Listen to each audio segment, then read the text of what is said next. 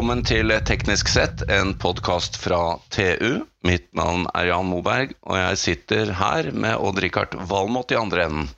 Odd-Rikard Valmot der, ja. Ja, ikke sant? Hei, Jan. I andre enden. I andre enden. Der i andre enden.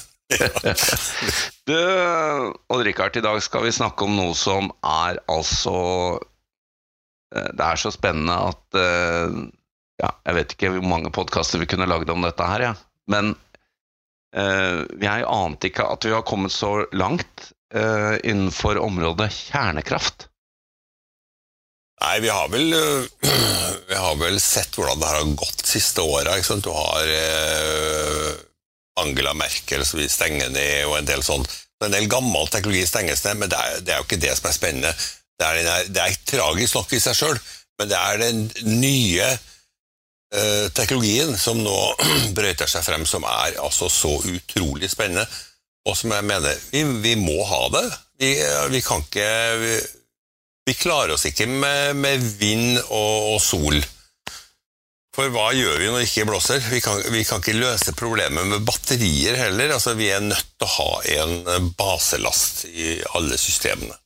Ja, det vises jo godt i Tyskland, da, hvor man foretrekker brunkull framfor kjernekraft. Ja. Eh, hvor alvorlig dette er, og, og hvor eh, dagens gjest har jo egentlig satt fingeren på det, at det er 20 millioner ganger mer energi i én kilo thorium enn i én kilo kull. Ja. her er det altså så mye kraft. Og så må vi jo nevne at vår helt, Odd Rikard, Bill Gates, som vi for øvrig mener burde få Nobels fredspris, Eh, har jo et, eh, sitt konsept gående om Terra Power, ja. som skal masseprodusere mindre kjernekraftverk. Og eh, med denne introduksjonen så må vi introdusere Jan Emblemsvåg, som er førsteamanuensis ved NTNU i Ålesund. Velkommen, Jan. Takk skal du ha. Takk skal du ha. Og nå har vi holdt en liten innledning her, og nå trenger vi å få fra deg litt eh, ekte kunnskap. Hvor står vi på dette området? Ja, altså Det blir jo på mange måter sagt internasjonalt at vi er kanskje overfor en renessanse innenfor kjernekraft. Hvis du ser på IAE sin oversikt fra 2020, så er jo det hele 67 forskjellige små og eller såkalla små reaktorkonsept under utvikling i forskjellige stadier. Noen er snart klar til eh, lansering også. Eh, og med små i kjernekraftsammenheng så snakker vi altså om under 300 megawatt effekt. Um, med 300 megawatt så kunne du f.eks. holdt uh, gående i uh, 50 000-100 000 husstander eller noe sånt iallfall. Ja, det, og det kan jo distribueres, da, så da får du jo en eh, mindre behov for å bygge ut uh, nettverket, kanskje? Ja, ja, eh, helt klart. fordi at Fordelen med både kjernekraft og for så vidt vannkraft og uh, såkalt dispatchable energikilder generelt, er at du, du belaster nettet mye jevnere enn du gjør med variable energikilder. Det ser vi jo både i Kina og i Tyskland. ikke sant? Det er jo Nord-Tyskland som lager vindenergi, og de har et kjempeproblem med å få det sørover. Ja. Og Kina har jo også, også samme problemet med hvor, hvor fornybarkrafta produseres og hvor den skal brukes. Og vi, altså, Norge har jo, har jo ting fordelt over, over, hele landet, men selv her er jo, er jo det en utfordring. Ja. Det, det gjelder jo alle land. Ja, stemmer det. og man ser jo UK eh, i løpet av de årene de har nå bygd ut mye vindkraft, så er jo systemkosten økt med 62 eh, så jeg artikkel hadde påpekt. Men vi må komme litt inn på den løsningen vi snakket om i innledningen her. Det er ikke det at vi må snakke om eh, TerraPower og, Bill Gates sitt prosjekt, jeg skjønner det er flere ute her. men kan du ikke gå litt inn på å forklare oss hva som er unikt med det som skjer nå? Jeg har skjønt at salt er en del av løsningen. Ja, er, um, av de 67 så er vel sånn røftlig 10-15 av de såkalte saltsmeltereaktorkonsept. Um, og en saltsmeltereaktor er jo da på mange måter en uh, lavtrykksreaktor. Uh, altså trykket på saltsmelta er samme som atmosfæren. Um, og så er det da ei, smelta salt, faktisk, som er selve mediet, og ikke vann, som er da vanlig i de tradisjonelle kjernekraftverkene.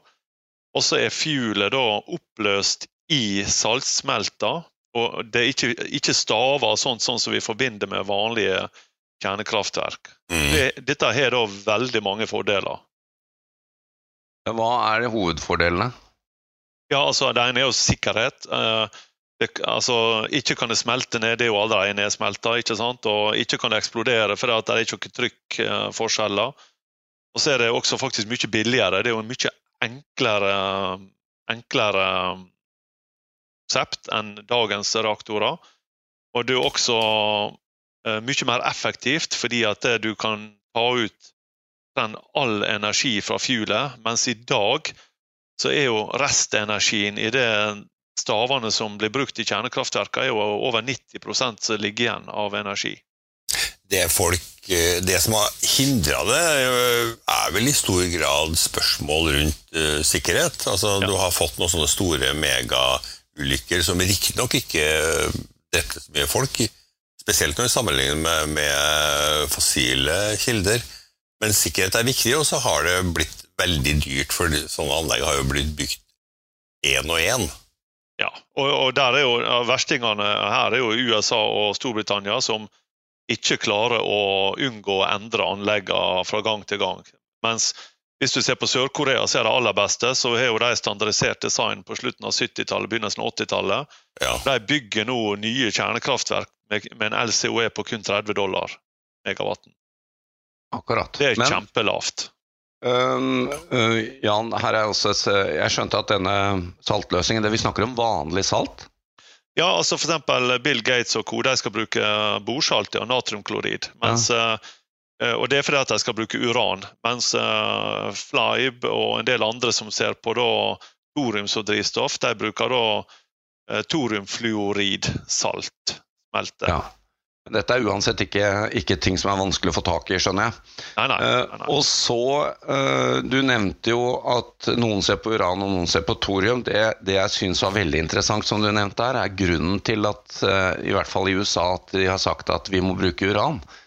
Ja, ja det er klart at etter 60 år med drift med sine vanlige kjernekraftverk, så sitter de da på restmateriale som er så stort at du kunne plassert det på en fotballbane 17 meter høyt. Altså Mer er ikke det. Så det er som et uh, stort lagerbygg. da.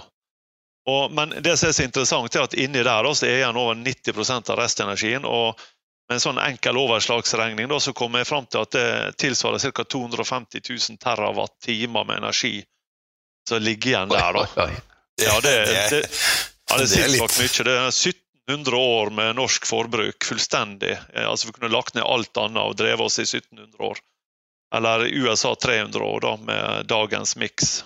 Uten å mine mer ja, ja. uran? Ja, det er klart. Eh, de skjønner jo forferdelig godt at amerikanske myndigheter vil at han skal bruke uran. da. Det, det hadde jeg også ville gjort. Det introduserer jo en helt ny halveringstid, gjør det ikke det? Ja da, det er det. Og du kan si at en saltsmeltereaktor eh, så er 83% av restmaterialet er nedbrutt etter ti år. Og det resterende 17% må du lagre i 300 år. Mens hvis du har da en tradisjonell eh, lettvannsreaktor, så må du lagre i oppi 240 000-300 000 år. Så på den fronten der også så er det utrolig mye bedre. Det, altså, det er nesten ikke sammenlignbart. Det høres ut som en no-brainer, men historien altså det her drev man med på 60-tallet? Ja, stemmer. historien er jo kanskje litt mer grumsete enn vi, enn vi aner, og den har jo med militære, militært bruk. Ja, ja, ja, ja. Det er jo uh, Altså, det er jo en fascinerende historie bak dette. her, fordi at uh, altså, Det begynner jo egentlig med at USA ville ha strategiske bombefly som kunne ligge lenge oppe i lufta, altså i dagevis. og da setter de i gang med et reaktor så Air Force uh, ja. Reactor Experiment, ARE der de skulle bygge en reaktor da, som gikk bl.a. på beryllium og thorium. Og, og, Det fikk de til, og reaktoren funka, men det ble jo så klart tungt og dyrt og alt mulig. Men de fikk fram da saltsmelteideen. Og så, i løpet av en kveld, faktisk, så skrudde de sammen et nytt forslag til prosjekt. som gikk da på en vanlig thoriumbasert saltsmeltereaktor. Leverte det inn og fikk det godkjent. Og, og så bygde de opp den første saltsmeltereaktoren som er gjort i historien, borte på Oak Ridge i Tennessee. Og Den gikk i 17 000 driftstimer med 80% oppetid på en reaktor. Det er jo helt fantastisk bra. Da snakker vi 60-tallet? Ja. Og det var en liten fante da på 10 megawatt. 7 eller 10 megawatt. Eller noe. Ja. Jan, øh, dette her løser jo veldig mange av fryktene rundt kjernekraft. For det første kan vi bruke øh, avfallet, som ja. blir mindre farlig etter at det er brukt. Det er ikke eksplosjonsfare. Og det kan distribueres og i det hele tatt. Men vi må snakke om to ting. Det ene er tidslinjen her, da. Fordi det jeg har skjønt, er at disse kraftverkene kan også produseres i fabrikk. Ja. Og da får vi prisen vesentlig ned, for et av punktene med kjernekraft har vært at det koster så voldsomt mye å bygge et stort anlegg. Ja, og det er jo altså det verste skrekkeksempelet av alle er jo så klart uh, Hinkley Point C i UK, da, der de ja. uh, Jeg vet ikke hva de kom på ennå, om det er 130 milliarder dollar eller noe sånt. Uh, det, det jo, men det er klart, hvis du setter i gang med et prosjekt og endrer det og alt mulig underveis, så er jo det ikke noe problem å få det dyrt. da. Så, men, men, det er klart fordelen her nå med fabrikkbygg er at det blir svært repetitivt. Og det blir veldig god kvalitet, og du sparer så klart masse tid på bygging av reaktoren når du har det på assembly-linje. Det, det sier seg sjøl. Og kostnadsmessig så vil jo dette være en uh, revolusjon. altså han snakker vel om uh, ned mot ca. to dollar på vann i, uh, i, uh, i investeringskostnader. Ja. Ja. Men du, det her har jo en, en, en, mulighet til å brenne opp verdens atomavfall også? Ja, og det er jo faktisk Japanerne er jo et av de landene som jobber veldig lenge på dette her nå. De fortsetter etter at det ble lagt ned i USA. da, og deres hovedargument er jo faktisk de ønsker å prosessere vekk det avfallet de har. Da. Eller ikke avfall, det er jo ikke avfall, det er jo kjempeverdifullt restmateriale, skal vi kalle det. Ja, men Kan du fortelle litt om, om hva som er igjen når, når, når man må å si, tømme et slikt saltsmelte, en saltsmeltereaktor? Eh, hva som er igjen altså, ja, Hva er avfallsutfordringen da? Ja, altså Du har så klart uh, selve saltet, men det er nå greit. Uh, noe av det blir jo radioaktivt, men det er veldig kortliva. Det er jo blant disse ti åra så du må eh, lagre noe av det reaktive der. Så får du så klart da noe mer langliva isotoper, men uh, etter 300 år så er de også vekke. Ja, så det er en helt annen problemstilling enn det vi har i dag? Ja, ja, ja. ja, ja. Mm. Helt klart. Og det er også mye mindre, faktisk. også, For dette er bare 17% av eh, restmaterialet som er så langliva. Mens i en vanlig reaktor så er det i prinsippet nesten 100. Kan du kort beskrive hva som foregår? Altså, jeg har skjønt at her er det eh, Her er det jo eh, dette, dette stopper seg selv hvis det skulle gå galt. Ja, denne reaktortypen her, da, saltsmeltereaktor, har noe som blir kalt negativ reaktivitet. Slik at jo varmere han blir, jo mindre produserer han. Til slutt så stopper han. Slik at det, det, Å få han til å koke, det, det, tror jeg faktisk er kjempevanskelig. Men så er det også sånn at eh, denne reaktoren har en sikkerhetsplugg nederst av is. Og Selve saltsmelta ligger på 700-800 grader, og da må du faktisk bruke masse strøm for å holde den isen kald, altså holde den som is. da. Og Hvis du kutter strømmen, da, så vil isen smelte mer eller mindre instantant og så renner saltsmelta ned i en betongtank f.eks., eller et eller annet under, og så stivner og så stopper hele greia. Det er ikke is vi henter ut fra fryseren, her? Nei, nei da, det er ikke det. det er ikke det. Nei, uh, men, uh, men, men, for å si det sånn, dette er den eneste reaktortypen som iallfall jeg kjenner til, som du aktivt må holde i gang. Altså, Kutter du strømmen på den, sånn som skjedde ved Fukushima, uh, så vil han stanse umiddelbart. Ja. Men med, med, utfordringene vi har med å balansere lasten, og med fossilkraft som uh, fører til uh, si, en haug med dødsfall årlig, Ja. hvorfor går ikke dette fortere? Dette høres ut som en fantastisk løsning på utfordringene vi har i hele verden.